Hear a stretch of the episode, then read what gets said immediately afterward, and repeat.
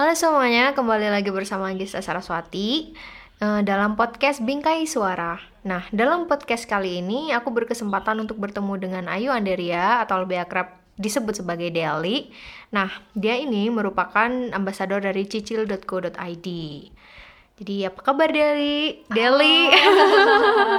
Alhamdulillah baik. Nah, oke. Okay, um, sebelumnya nih, uh, bisa nggak kamu ceritain dulu kayak sekelebat mengenai cicil.co.id? Oke, okay, jadi cicil.co.id itu adalah uh, startup yang bergerak di bidang finansial. Mm -hmm. Tapi yang membedakan dari uh, apa uh, buat cicilan yang lain gitu ya. Mm -hmm. Dia, jadi kalau cicil.co.id ini khusus untuk mahasiswa. Oh, gitu. oke. Okay. Nah, terus kan kamu ini bertugas sebagai ambasador mereka nih. Mm -hmm. Nah, bisa nggak kamu ceritain tugas ambasador di cicil.co.id itu kayak gimana gitu?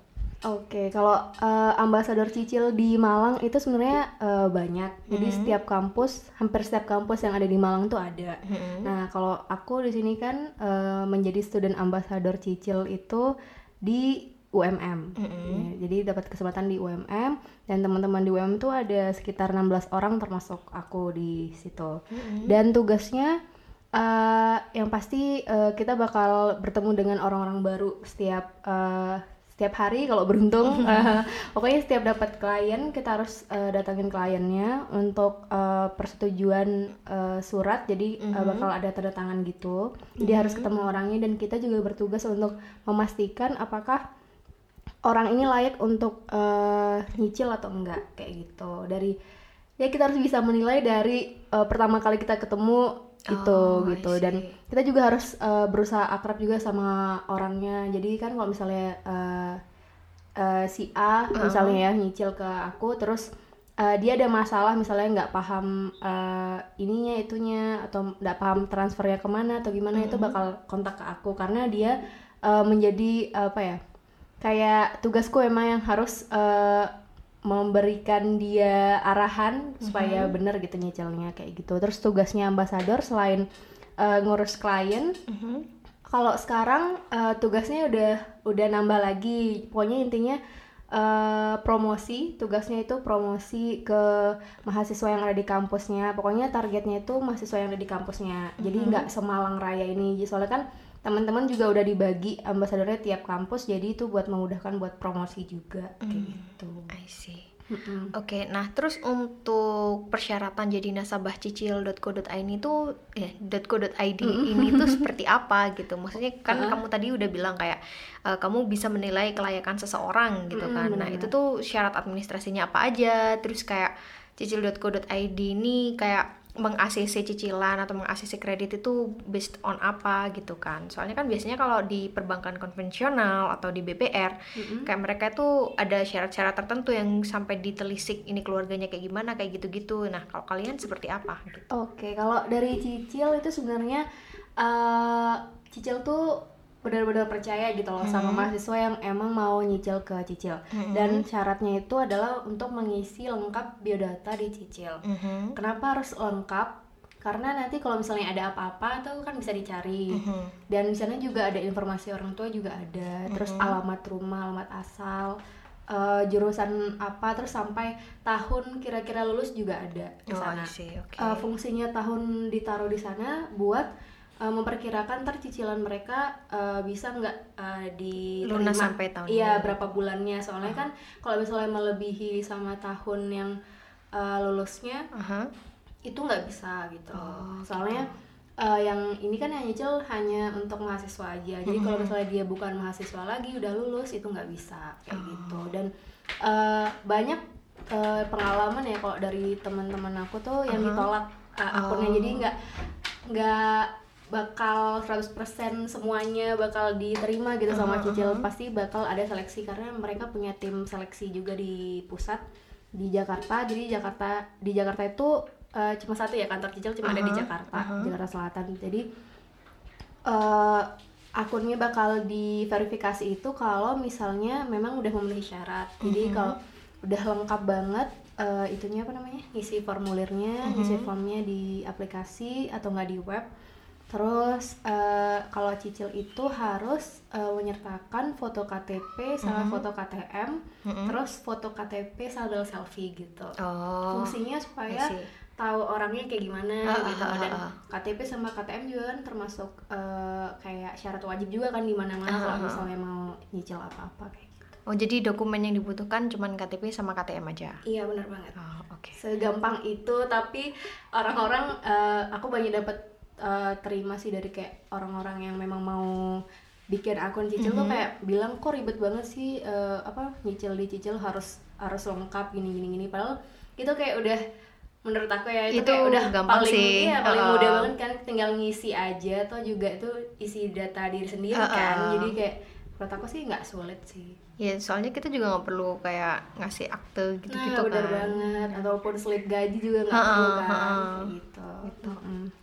Terus nih um, kalau buat nyicil di cicil.co.id, uh, apakah nasabah perlu punya agunan kayak gitu? Soalnya kalau biasanya kan kredit tuh kan kayak hmm? ada jaminannya gini-gini oh, gitu kan. Kalau di cicil.co.id gimana? Kalau di cicil.co.id ini nggak ada jaminan. Nggak ada jaminan. Ya, ya, ya udah di... gitu aja. Cuma oh. daftar pakai KTM KTP udah mau nyicil silakan. Bisa gitu. gitu. Terus metode pembayarannya gimana? Uh, trans via, via transfer atau potong saldo direct debit gitu atau gimana?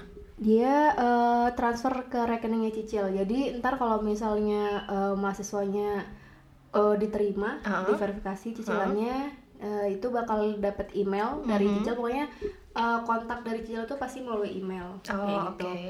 Jadi lewat email itu dikirim, ntar ada uh, link buat uh, pembayarannya, info pembayarannya. Jadi di situ mm -hmm. udah bakalan ada uh, nomor rekening pilihannya, misalnya mau lewat virtual account atau mau lewat antar bank bisa. Oh oke. Okay. Tapi kalau misalnya via transfer gitu kan kadang suka menimbulkan risiko ya. Nah, hmm. salah satu contohnya adalah kalau misalnya orang itu lupa nih, lupa transfer atau kayak sengaja menghilang nggak transfer gitu gitu. Ya. Terus itu gimana cara cicil.co.id memitigasi risikonya itu kayak mengurangi risiko itu tuh gimana? Jadi sebenarnya kalau cicil.co.id itu dia itu uh, selalu nge-reminder uh, kliennya lewat hmm. email. Pasti hmm. lewat email. Jadi tiap ambasador kalau bisa uh, bilang ke kliennya tiap ketemu tuh pasti cek email hmm. karena cicil kalau kontak klien pasti lewat email jadi bakal ada infonya jadi kayak hamin seminggu jadi hmm. tujuh hari uh, sebelum uh, apa deadline buat bayar misalnya hmm. bulan ini bulan apa uh, cicilan pertama gitu jadi ada uh, pengingatnya gitu jadi dari tujuh hari lima hari sama tiga hari hmm. sama hari Hamin satu pokoknya mm -hmm. Jadi sebenarnya kalau misalnya mahasiswa kan pasti rajin banget cek email kan. Uh -uh. Jadi kalau misalnya udah telat bayar itu pasti yang bermasalah itu mahasiswanya. Soalnya mm. kalau misalnya dari cicilnya nggak ngingetin itu nggak mungkin soalnya pasti diingetin cicil dari email gitu. Kalau misalnya cara mengurangi resikonya uh, yaitu memanfaatkan ambasadornya jadi ntar okay. cicil kalau misalnya untuk penangan penanganan pertama itu pasti dari cicil dulu hmm, jadi hmm, hmm. cicil yang uh, ngekontak orangnya sampai akhirnya kalau misalnya udah eh, nggak uh, bisa ketolong lagi karena kan mereka di pusat kan nggak bisa turun ke lapangan jadi nanti yang dikontak ambasadornya buat minta tolong cariin terus tanyain kenapa kok telat bayarnya oke okay. Terus pernah nggak kamu kayak ada pengalaman pribadi kamu ngejar-ngejar nasabah kayak gitu? Maksudnya kayak karena ya? iya karena mereka gak bayar-bayar cicilannya gitu. Waduh, iya. Bisa ceritain nggak? Jadi kemarin aku baru pulang kan dari Lombok terus mm -hmm. uh, balik ke Malang itu langsung dikontak sama salah satu uh, apa sih karyawan di cicil. Mm -hmm. Ternyata dia yang megang uh, apa sih list-list orang yang memang uh, belum gitu. ya bermasalah dan ternyata ada salah satu uh, orang ternyata itu adalah uh, klienku uh-huh. waktu ketemu dia orangnya baik-baik aja gitu loh maksudnya nggak uh-huh. uh, masalah gitu lah intinya dan itu nyicil HP hmm. nyicil HP terus ternyata orang ini nggak uh, bayar 8 bulan Oh my god, oke. Okay. Jadi dia cuma bayar DP sama cicilan awal aja. Jadi uh -huh. totalnya dia nyicil itu 9 bulan kan. Oke. Okay. uh -uh, jadi itu totalnya sampai 4 juta 4 jutaan pokoknya 4 jutaan ya. Dan dia tuh ganti nomor WA uh -huh. jadi aku coba chat kan karena kakaknya bilang coba uh, dicari orangnya tapi nggak mungkin karena kan UMM masih libur. Jadi kalau mau cari juga nggak mungkin soalnya rumahnya juga lumayan jauh kan. Jadinya uh, aku berusaha bilang ke kakaknya nanti aku carinya setelah masuk aja aku bilang gitu. Terus uh, ya udah pokoknya dicari aja ya Del. Ternyata aku cari-cari kontak orangnya nih. Mhm. pokoknya kan sudah ada KTP sama KTM -nya, intinya aku udah pegang. Uh, terus uh, ini apa namanya aku cari temanku yang sejurusan sama dia. Nah, oke. Terus ternyata temen yang aku kontak itu beneran temen dia. Kebetulan Oh, banget. Jadi kebetulan aku banget ya. nyari ke temanku temanku ngasih kontak temennya. Nah aku kontak temennya temanku itu. Ah. dan ternyata dia itu Langsung temennya ketemu ya? eh, eh, langsung ternyata terus aku dikasih kontaknya ternyata bener ganti nomor terus aku tanya gini gini gini nih terus dia bilang "Eh, oh iya kak nanti aku eh, bayarnya tanggal segini kayak gitu. Tapi ternyata dia bener bandel banget. Soalnya aku udah dinotis Oh. sama pihak cicil kalau misalnya anak ini agak susah kayak Mm-mm. gitu jadi harus ketemu langsung. Akhirnya mau nggak mau aku harus nunggu UMM masuk. Ha-ha. terus ini ya namanya ketemu orangnya kayak itu jadi eh, itulah tugas tambahan ambasador ya Terus setelah ini setelah ditemuin orangnya mau bayar nggak? oh belum ketemu soalnya belum Oh masuk belum ketemu. Oh ini belum masuk ya Iya, ceritanya. Oh iya. gitu. nanti Oke. kalau udah masuk oh ya kita usahakan lah Untuk ketemu sama Mm-mm, orangnya ya. benar. Oke. Nah terus em, kalau tagihan dari cicil sendiri kayak mereka tuh re- recap- recapitulationnya kayak gimana? Rekapitulasi maksudnya kayak invoice-nya kayak gitu-gitu. Itu tuh kayak gimana prosesnya? Kalau dari Cicil kan eh, di email itu jadi ngasih surat surat eh, yang harus ditandatangani. Ha, ha, ha. Emang nggak di atas nggak di atas materai sih, cuma di sana tuh ada pasal-pasalnya. Oke. Jadi kalau misalnya telat bayar atau gimana tuh dapat sanksi kayak gitu. Oke. Jadi ambasador tugasnya eh, untuk eh, bertemu dengan kliennya itu untuk melihat tanda tangan dan Oh. juga foto. Jadi ambasador tuh ketemu sama klien tuh harus foto, foto klien yang megang suratnya dan foto sama ambasadornya juga. Oh jadi kayak verifikasi nah, gitu ya? iya jadi Oh, verifikasi gitu. see, oke. Dan sebenarnya kalau misalnya uh, kliennya smart ya, Mhm. dia pasti bakal baca pasal-pasalnya. Iya harusnya kayak sih. gitu dan Heeh. pasti nggak bakal berani buat telat bayar sih seharusnya karena kalau telat bayar seminggu aja dicicil itu bakal didenda lima puluh ribu Oke, Gitu. dan itu Kecuali- akumulasi gitu. Jadi Ah, kalau misalnya telat seminggu 50, telat Mm-mm. lagi 100 ribu Iya, kayak gitu. betul banget pokoknya kelipatannya tapi ada pengecualian kalau Ha. misalnya kliennya uh, ada alasan tertentu Hmm. misalnya mungkin uh, orang tuanya gajiannya telat Hmm. atau mungkin dia lagi nggak ada uang Hmm. uh, itu bisa pokoknya intinya kabarin ambasadornya aja terus mm, nanti bakal apa ambasadornya bakal bilang ke pusat kalau misalnya uh, klien yang ini uh, bisanya masalah ini. uh, uh, jadi uh, agak lambat untuk pembayaran bulan ini itu bisa sebenarnya Hmm. jadi intinya kalau misalnya kontak tetap kontak ambasadornya Hmm. itu tetap nggak masalah gitu sebenarnya Oh, I see. Mm-mm. Tapi kan eh, biasanya alasan-alasan kayak gitu bisa dijadikan excuse gitu nggak Hmm, sih? iya Maksudnya gimana sih. itu caranya buat ambasador dan caranya cicil untuk menghindari hal itu gitu. Soalnya Nah, kan kadang-kadang ada orang yang bohong gitu Iya, kan. bener gimana dong? sih. Nah itu dia makanya eh, tadi kan aku udah bilang di awal kalau misalnya ambasador harus deket sama kliennya. Ah, nah oke. dari dari jadi dari eh, kedekatan itu kita bisa Menilai. nilai, nah, apakah dia Bohong atau enggak. jujur. Ah, ah, bener dan eh, sebenarnya kalau dulu ya aku rajin banget sebenarnya kontak orang-orangnya. Hmm. Soalnya kan masih dikit ya kalau awal-awal dulu terus Hmm, hmm. jadi aku kayak nanya gimana cicilannya bulan ini udah dibayar belum jadi aku kayak nanyain gitu jadi Oh, tiap bulan aku pasti gitu ya? iya bener banget aku pasti chat orang-orangnya cuma kalau sekarang aku jadi eh, udah bingung soalnya kalau kebanyakan udah banyak kan. Udah saking Terus banyaknya. ini, udah selesai nggak ya ini dulu kalau kalau dulu aku data jadi aku Hmm. ada ada bikin tabelnya jadi eh, terakhir dia nyicil kapan tuh aku udah ada jadi aku harus ingetin dia tanggal segini buat bayar tuh udah ada cuma ya karena kemarin kampus di kampus apa ya lagi banyak banyak tugas Ah, apa jadi kayak nggak nggak ya? terlalu maksimal sih buat ngurus itunya. Oh, I jadi ya begitulah Oke, Em, terus kan eh, bunganya nih bunga di cicil.co.id seberapa ya? Kalau bunganya itu tergantung dari barangnya Oh tergantung Ah, dari barangnya. tergantung dari barangnya jadi Oke. nggak nentu jadi eh, untuk kalkulasi barang terus eh, DP terus biaya per bulannya itu tergantung Oh, ter- semua tergantung barang. Jadi nggak flat misalnya 2% semuanya flat nggak gitu ya. Iya. Oh gitu. Oke. Terus em, kan tadi eh belum sih. Dari belum bilang. Eh, dengar-dengar nih em, dari itu bilang kalau uh, denger-denger nih di cicil.co.id mm-hmm. seorang mahasiswa juga bisa nyicil SPP oh, gitu. Iya. Nah, itu tuh gimana nih metode pembayarannya, terus kayak gimana cara cicil.co.id approach uh, mendekati kampusnya, terus tuh kayak gimana gitu prosesnya. Iya, jadi itu uh, sesuatu yang baru ya dari mm-hmm. cicil. Jadi selain bisa nyicil uh, produk, mm-hmm. juga bisa nyicil uh, biaya kuliah. Mm-hmm. Jadi bisa nyicil SPP atau DPP. Caranya hampir sama kayak yang apa nyicil produk. Mm-hmm. tapi kalau nyicil produk kan uh, ngambil produknya dari e-commerce. Kalau misalnya SPP DPP itu dia ininya sih yang lebih ribet kayak uh, ngisi datanya. Soalnya oh, kan uh, itu kayak lebih apa ya ngisinya tuh kayaknya harusnya bareng orang tua gitu oh, rasanya. okay. soalnya uh, besar kecilnya itu uh, kayak harus menentukan sama gaji orang tuanya hmm. terus harus ada slip gaji juga kalau di situ hmm. nah jadi uh, cicil bisa menerima bisa apa sih memberikan konfirmasi kalau misalnya uh, harga yang dicantumkan sama hmm. gajinya itu sesuai gitu hmm, uh, gitu uh, uh, jadi nggak sembarangan yang bisa diterima lah soalnya kan kalau SPP DPP kan uh, gimana ya kayak lebih lebih gimana gitu oh, terus tapi mm, huh? tapi kalau cicil kan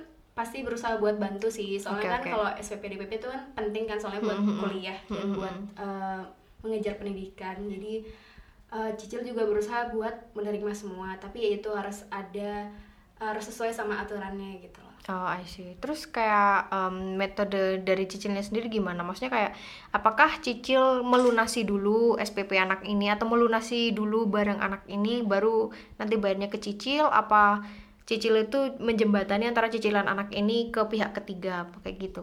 Kayak gimana? Jadi kalau cicil.co.id itu mau itu barang atau biaya kuliah itu langsung hmm. dibayari lunas oleh cicil. Oh, jadi di reimburse ya iya, sistemnya. betul banget.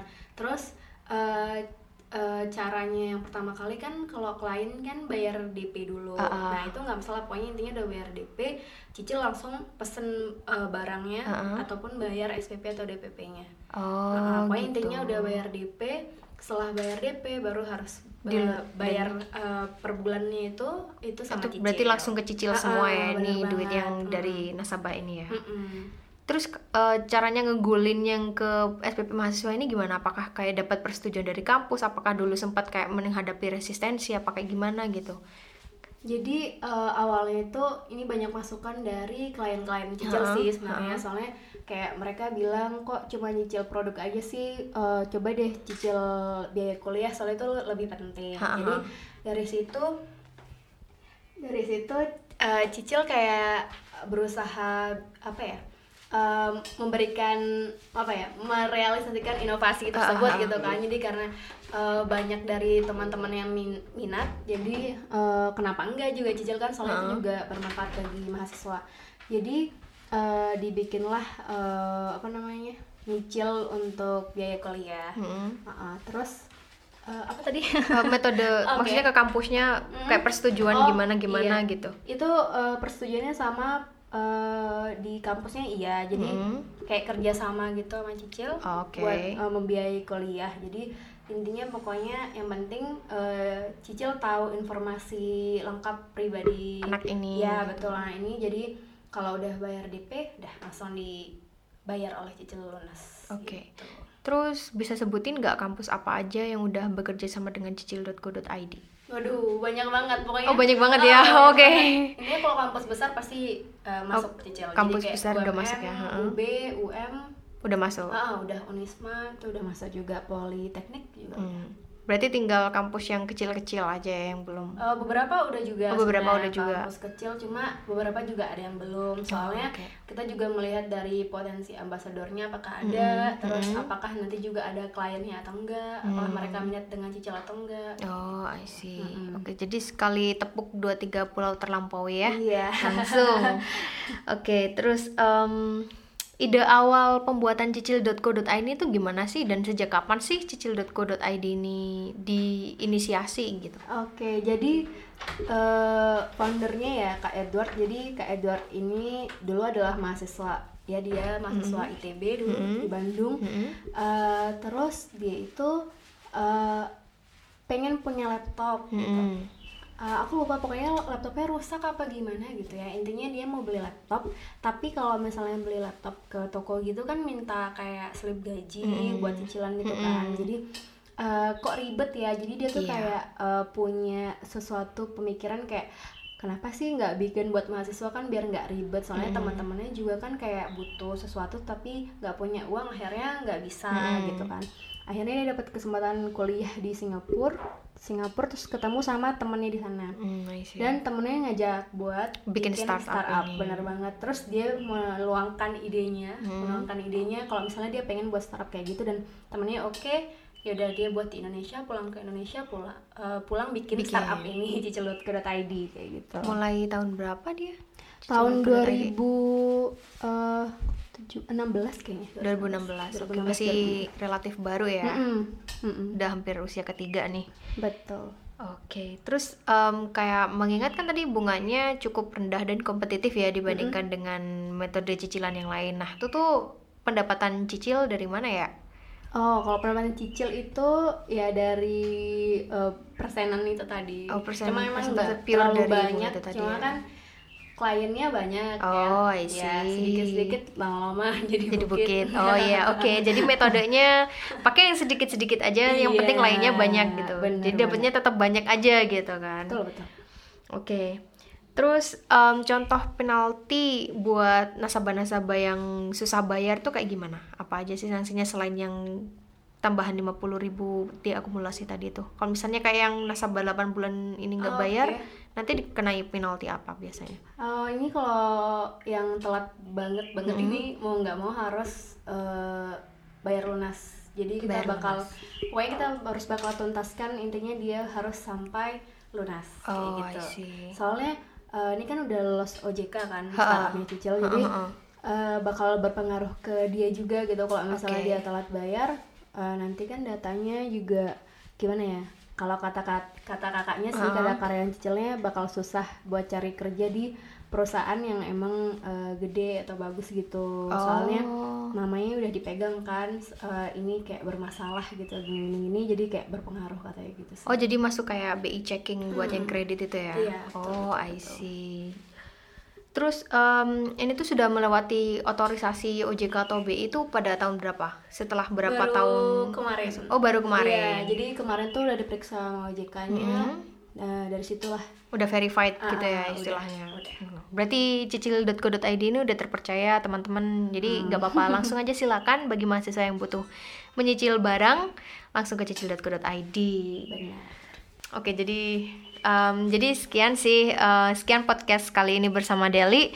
Semoga podcast kali ini bermanfaat dan membantu buat mahasiswa yang butuh untuk nyicil barang tapi sedang nggak punya duit dan ingin dengan cara yang lebih mudah gitu. Jadi langsung aja ke cicil.co.id kalau misalnya butuh informasi lebih lanjut bisa hubungi Deli di bawah ini. Terima kasih. So ya, yeah. salam.